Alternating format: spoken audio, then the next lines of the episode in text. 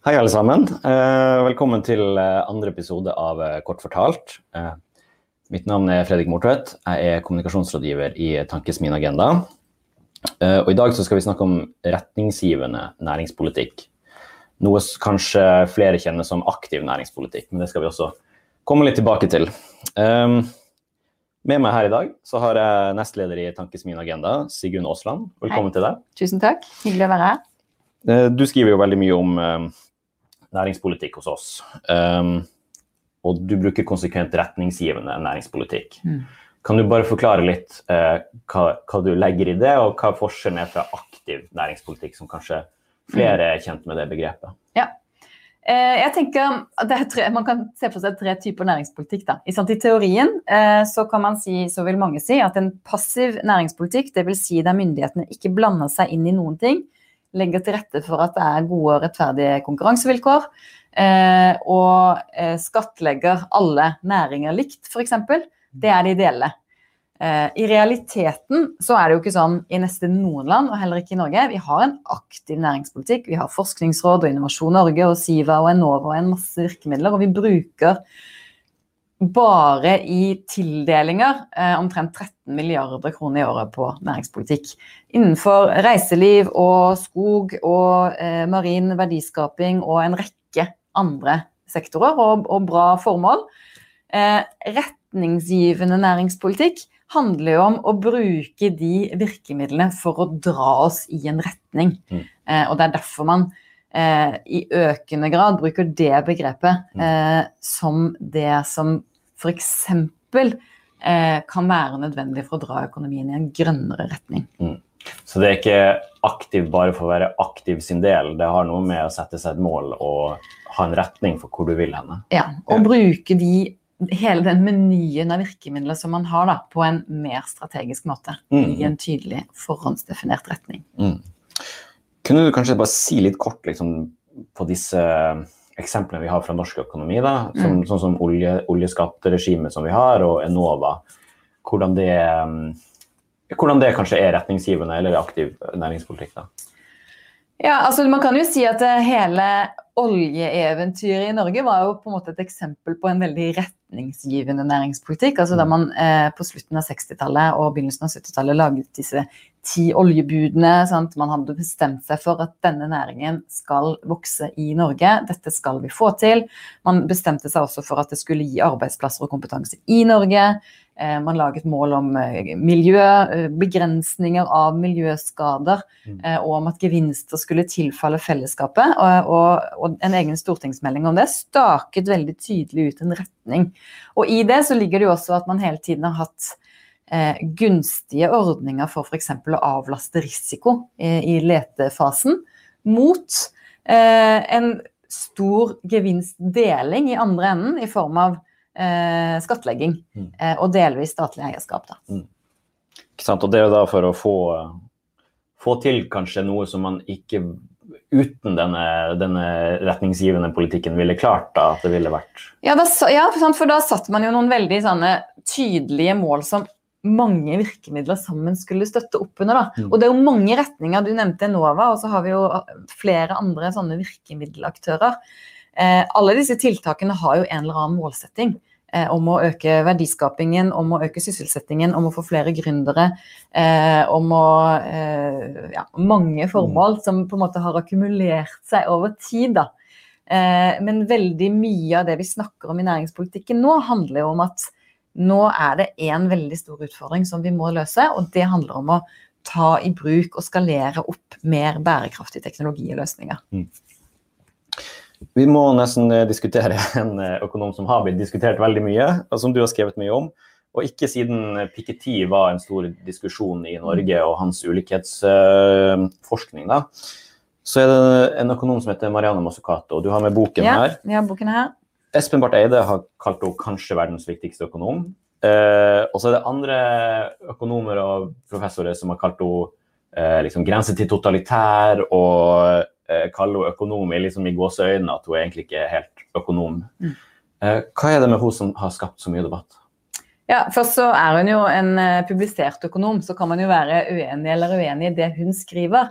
Eh, det som kanskje er hennes viktigste prosjekt, eh, handler i utgangspunktet ikke om norsk økonomi og næringspolitikk. Det handler om at hun i denne boka, 'En ny økonomi', og i andre bøker som hun har skrevet før, er opptatt av at det er politikken og fellesskapet og myndighetenes oppgave å gi økonomien en retning.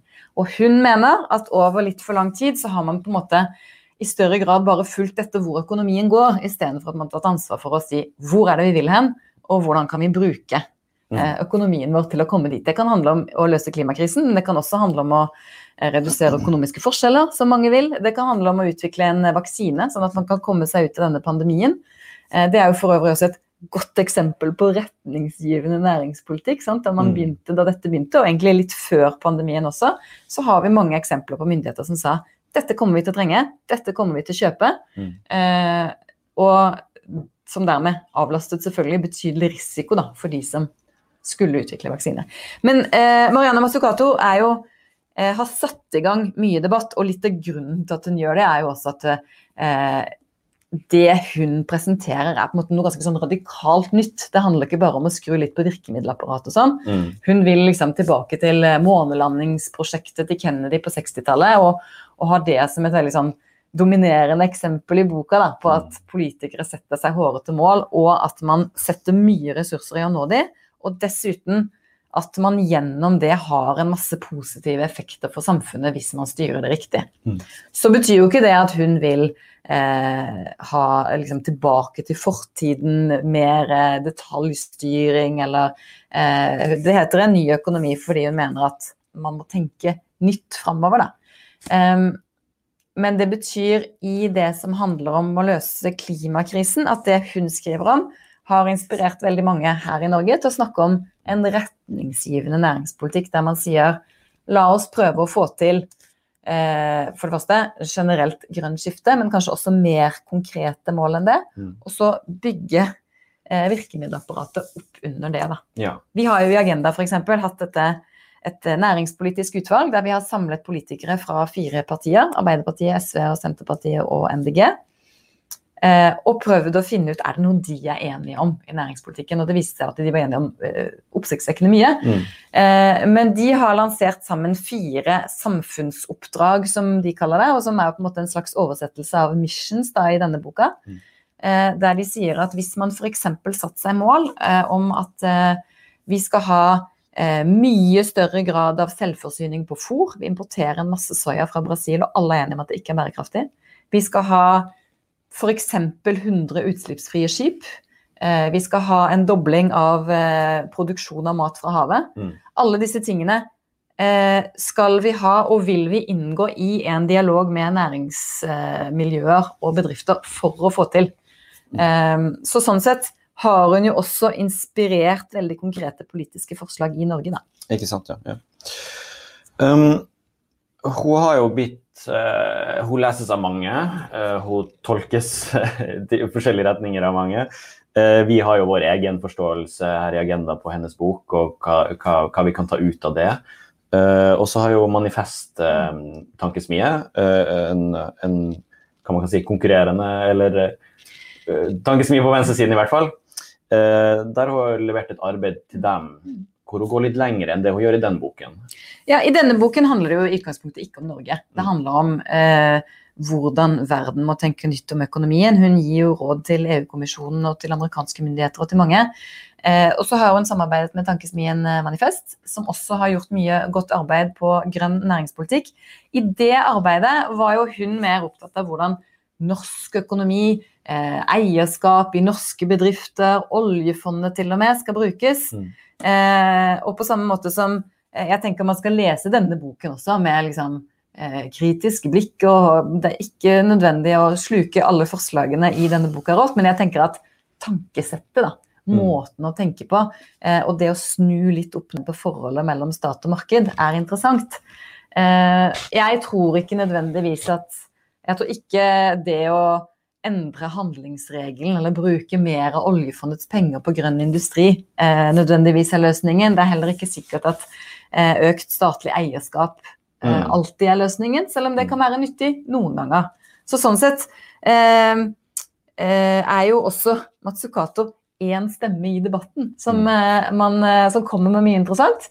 Eh, men som jeg tror det er viktig at folk er oppmerksom på handler om veldig mye mer enn statlig eierskap og hvor mye staten skal eie, selv om det også Mm. eh, er en del av det. da. Ja, og, og liksom, eh, selv om dette med statlig eierskap har skapt mye, ja, mye kraftige reaksjoner i mange økonomimiljøer i, i Norge, så har jeg også fått eh, eh, støtte fra Viktor Nordmann, en, eh, en veldig kjent NHH-professor og um, tidligere Høyre-statsråd. Um, er det litt sånn Har vi åpnet litt eh, diskusjon for hva som er lovt å si nå? Er det litt endring i, i synet på staten? Du nevnte Jeg tror nok at det er et litt sånn eh, paradigmeskifte da, i mange de store deler av verden. Sant? Du Mm. ser det nå i USA. President Biden går inn mye, gir en mye tydeligere retning og gjør ganske mange grep i næringspolitikken som vi ville kalt retningsgivende næringspolitikk. Mm. EU-kommisjonen gjør det samme. Setter noen veldig tydelige mål for næringspolitikken. Eh, og, det er jo litt det samme eh, vi ser i debatten i Norge. Da. Og så hører det også med til historien at eh, det vi har foreslått i disse samfunnsoppdragene som vi har vært med på å utvikle, eh, er jo at man ofte kanskje kan tenke på statlig eierskap som en sånn midlertidig løsning. Sant? Der man kan Mm. gå inn i en tidlig fase, og så kanskje etter hvert gå ut igjen. Men det hører jo med til historien også at mer enn veldig mange andre land, så har jo norske myndigheter masse erfaring med Mm. statlig eierskap. Og med hvordan man kan gjøre det på en ryddig og skikkelig og forretningsmessig sunn måte. Da. Mm. Eh, så det er jo ikke sånn at man starter på bar bakke i, i denne debatten heller. Eh, om det er en god idé eh, å øke det statlige eierskapet i Equinor for å løse klimakrisen, det er jeg mer usikker på. Mm. Men, eh, og jeg har lyst til at vi skal på en måte frigjøre oss litt fra den der debatten om hvor mye statlig eierskap, for det er litt feil ende å begynne i. Mm. Eh, det handler mer om hva er det vi vil oppnå, hva er barrierene mot det, hva er barrierene mot å få mer ren transport til havs. Eh, er det at det mangler eh, risikokapital, er det at reguleringene er uklare, er det at teknologien finnes med manglende skala. Det er, jo, det er jo det som på en måte må bestemme hvilke virkemidler som er riktig å bruke. Mm. Så når vi liksom snakker om retningsgivende næringspolitikk, så er det vel få som vil liksom ha, ha i, som et mål i seg sjøl å ha masse statlig eierskap. Ja, det tror jeg. Men du har med en annen bok Ja, jeg har med en bok til. fordi eh, jeg tror at til grunn for hele denne debatten om hva næringspolitikken bør gjøre, eh, så er det en veldig viktig erkjennelse, og den skriver Heikki Holmås om. og Han skriver jo om norsk økonomi og norsk næringspolitikk. Eh, og vi burde kanskje snakke enda mer om det, egentlig. Eh, selv om vi kan la oss inspirere av store visjoner fra amerikanske og europeiske økonomer. Eh, men et hovedpoeng her er at nesten all teknologien vi trenger for å få til et grønt skifte med gode jobber i hele landet, eh, de, den finnes. Mm. Eh, problemet med den er ofte at den er dyrere enn det mindre bærekraftige alternativet. Mm. Eh, og det betyr at for eh, norske virksomheter, små og mellomstore og store, så er det jo for dyrt å gjøre det og, og, og på en måte legge om til helt nye forretningsmodeller og teknologier. Eh, og det betyr eh, at man trenger litt drahjelp. Dette er jo også eh, barrierer som økonomer f.eks. i Grønn skattekommisjon pekte på for noen år siden. Mm. At på veldig mange nye teknologier, ta f.eks. elbil, da, sånn, så vil det være sånn at før man når en viss skala i markedet, der mange nok kjører elbil, slik at det blir mange nok ladestasjoner, og teknologien utvikler seg i modell etter modell, eh, så er det mindre lønnsomt og mindre attraktivt. Etter hvert som dette blir skalert opp, og etter hvert også kanskje blir billigere, så blir det mer lønnsomt. Mm. Og Det betyr jo at man må bruke påbud og forbud og avgifter og stille noen strengere krav da, også eh, til virksomheter og, til, og for å være med å dytte på hvilken teknologi eh, man bruker. Mm, ikke sant? Ja, ikke sant? Sånn som jeg leste Masukato, så, så bruker hun eh, kanskje mest tid på dette med anbud, egentlig. Dette med å skape markedet gjennom anbud som setter veldig strenge krav til, eh, til hva slags eh, altså F.eks. klimateknologi, og hvor, hvor ren den, eh, Mm. de tjenestene som det offentlige kjøper. Ja. Men, men eh, du sier sant, eh, bedrifter har lyst på drahjelp. De sitter på mye teknologi, men den er ikke konkurransedyktig. ikke sant? Eh, og så da kommer det opp sånn, da, da, da kommer det kanskje sterke næringsaktører inn. Og så sier de sånn, vi vil ha, ja, vi vil være med på det her, vi vil ha litt penger. ikke sant? Da, eller noen noe sikre ordninger for å liksom realisere disse tingene. Eh, burde man være litt bekymret for, eh, burde man holde litt på lommeboka når, eh, når, når næringslivet kommer til, til, til staten for å, for å, be om penger? Ja, det burde man absolutt. Og det eh, burde man være bekymret for sånn som det er nå. Mm. Jeg tror at en av de store fordelene med å tenke mer i retning av en retningsgivende næringspolitikk, der man sier veldig tydelig hva formålet er, eh, er jo at man kunne fått litt mindre av alle de som kommer og banker på døra og skal ha støtte til alle mulige ting. Eh, norske virksomheter er jo kjempeflinke til det. Eh, og vi er veldig svake for alle argumenter som handler om arbeidsplasser. Eh, med god grunn, fordi det er viktig for hele økonomien og for fordelingen i samfunnet og for at folk skal leve gode liv. Eh, men det betyr jo sånn som det er nå, at det er relativt lett for sterke stemmer i næringslivet å komme og be om den ene tiltaket og det andre tiltaket og det tredje tiltaket. Mm. Eh, igjen en aktiv næringspolitikk, men kanskje ikke en veldig retningsgivende næringspolitikk.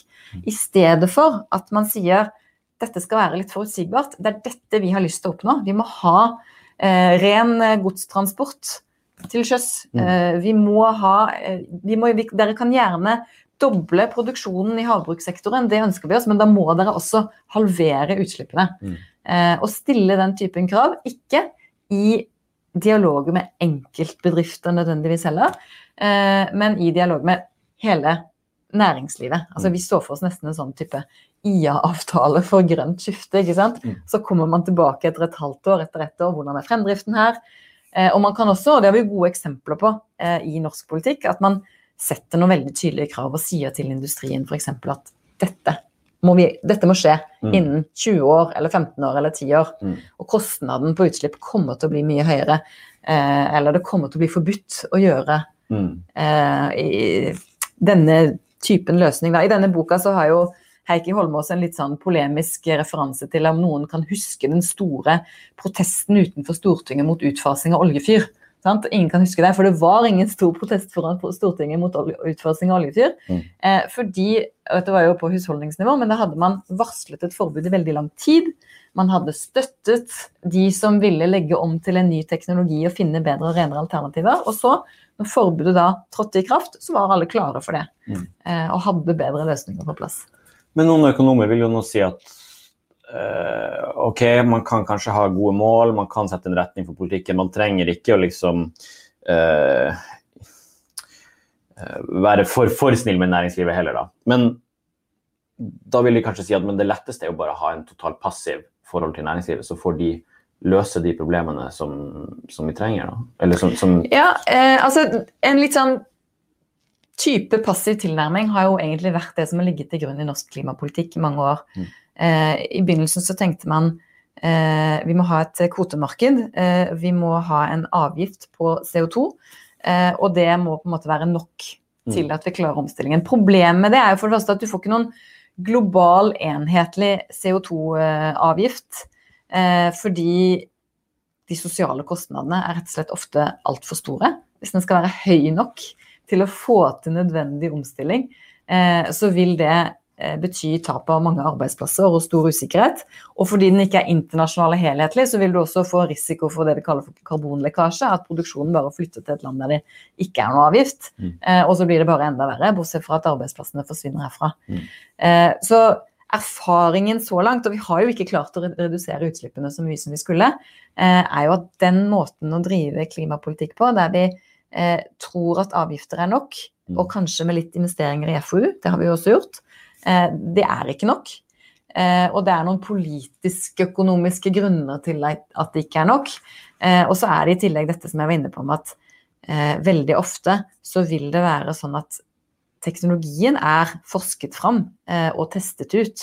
Og det er ikke FoU som på en måte mangler, men den er dyrere enn det mindre bærekraftige alternativet. Og det er ikke rasjonelt for en aktør i markedet å legge om til den. Og det sier jo også i økende grad bedriftene selv. Sant? Gi, oss, eh, et, gi oss noen krav som er like for alle. Mm. Ja. Vi, skal, vi skal, eh, gå inn for landing nå snart, men jeg ville bare avslutte med um, et spørsmål. og Det er jo at uh, det, det, ligger kanskje an til en ny regjering til høsten. Uh, hva tror du er sannsynlig kommer ut av uh, liksom retningsgivende næringspolitikk med en ny regjering? og hva er det du ønsker deg ut av det? Nei, eh, altså det enkle, det enkle, svaret er jo en mer retningsgivende næringspolitikk. Det er jo mye som tyder på at det kommer, for det er jo ting som ligger i veldig mange av partiprogrammene på rød-grønn side. Mm. Eh, og de har jo etter tur kritisert regjeringen nå for å komme med gang på gang med strategier som gir veldig gode virkelighetsbeskrivelser av både problemer og muligheter innenfor hydrogen, innenfor sirkulær økonomi og andre områder, men uten at det følger med tilstrekkelige virkemidler for å flytte oss over i den retningen. Mm. Og noen ønsker? Eh, ja, altså jeg tenker Man kunne jo begynne med disse fire samfunnsoppdragene vi har skissert. da. La oss sette noen mål for ren skipsfart. La oss sette noen mål for eh, havbruk, som også er renere enn det er nå. For fôrproduksjon. Eh, mm. Og sette på plass de virkemidlene i samråd med næringslivet og stille noen krav og si dette forventer vi. Her er noen virkemidler som kan få oss i den retningen. Og så følge opp det eh, mye tettere enn eh, det som gjøres nå. Mm. Da tror jeg vi må bare gi oss der. Tusen takk for at du kom til eh, Kort forklart. Uh, uh, kort fortalt, mener jeg. Uh, så vil jeg bare minne seerne på at dette legges også ut i podkast etterpå. og Det finner dere i alle podkastspillerne under navnet Tankes min agenda. Og så ses vi neste gang. Ha det.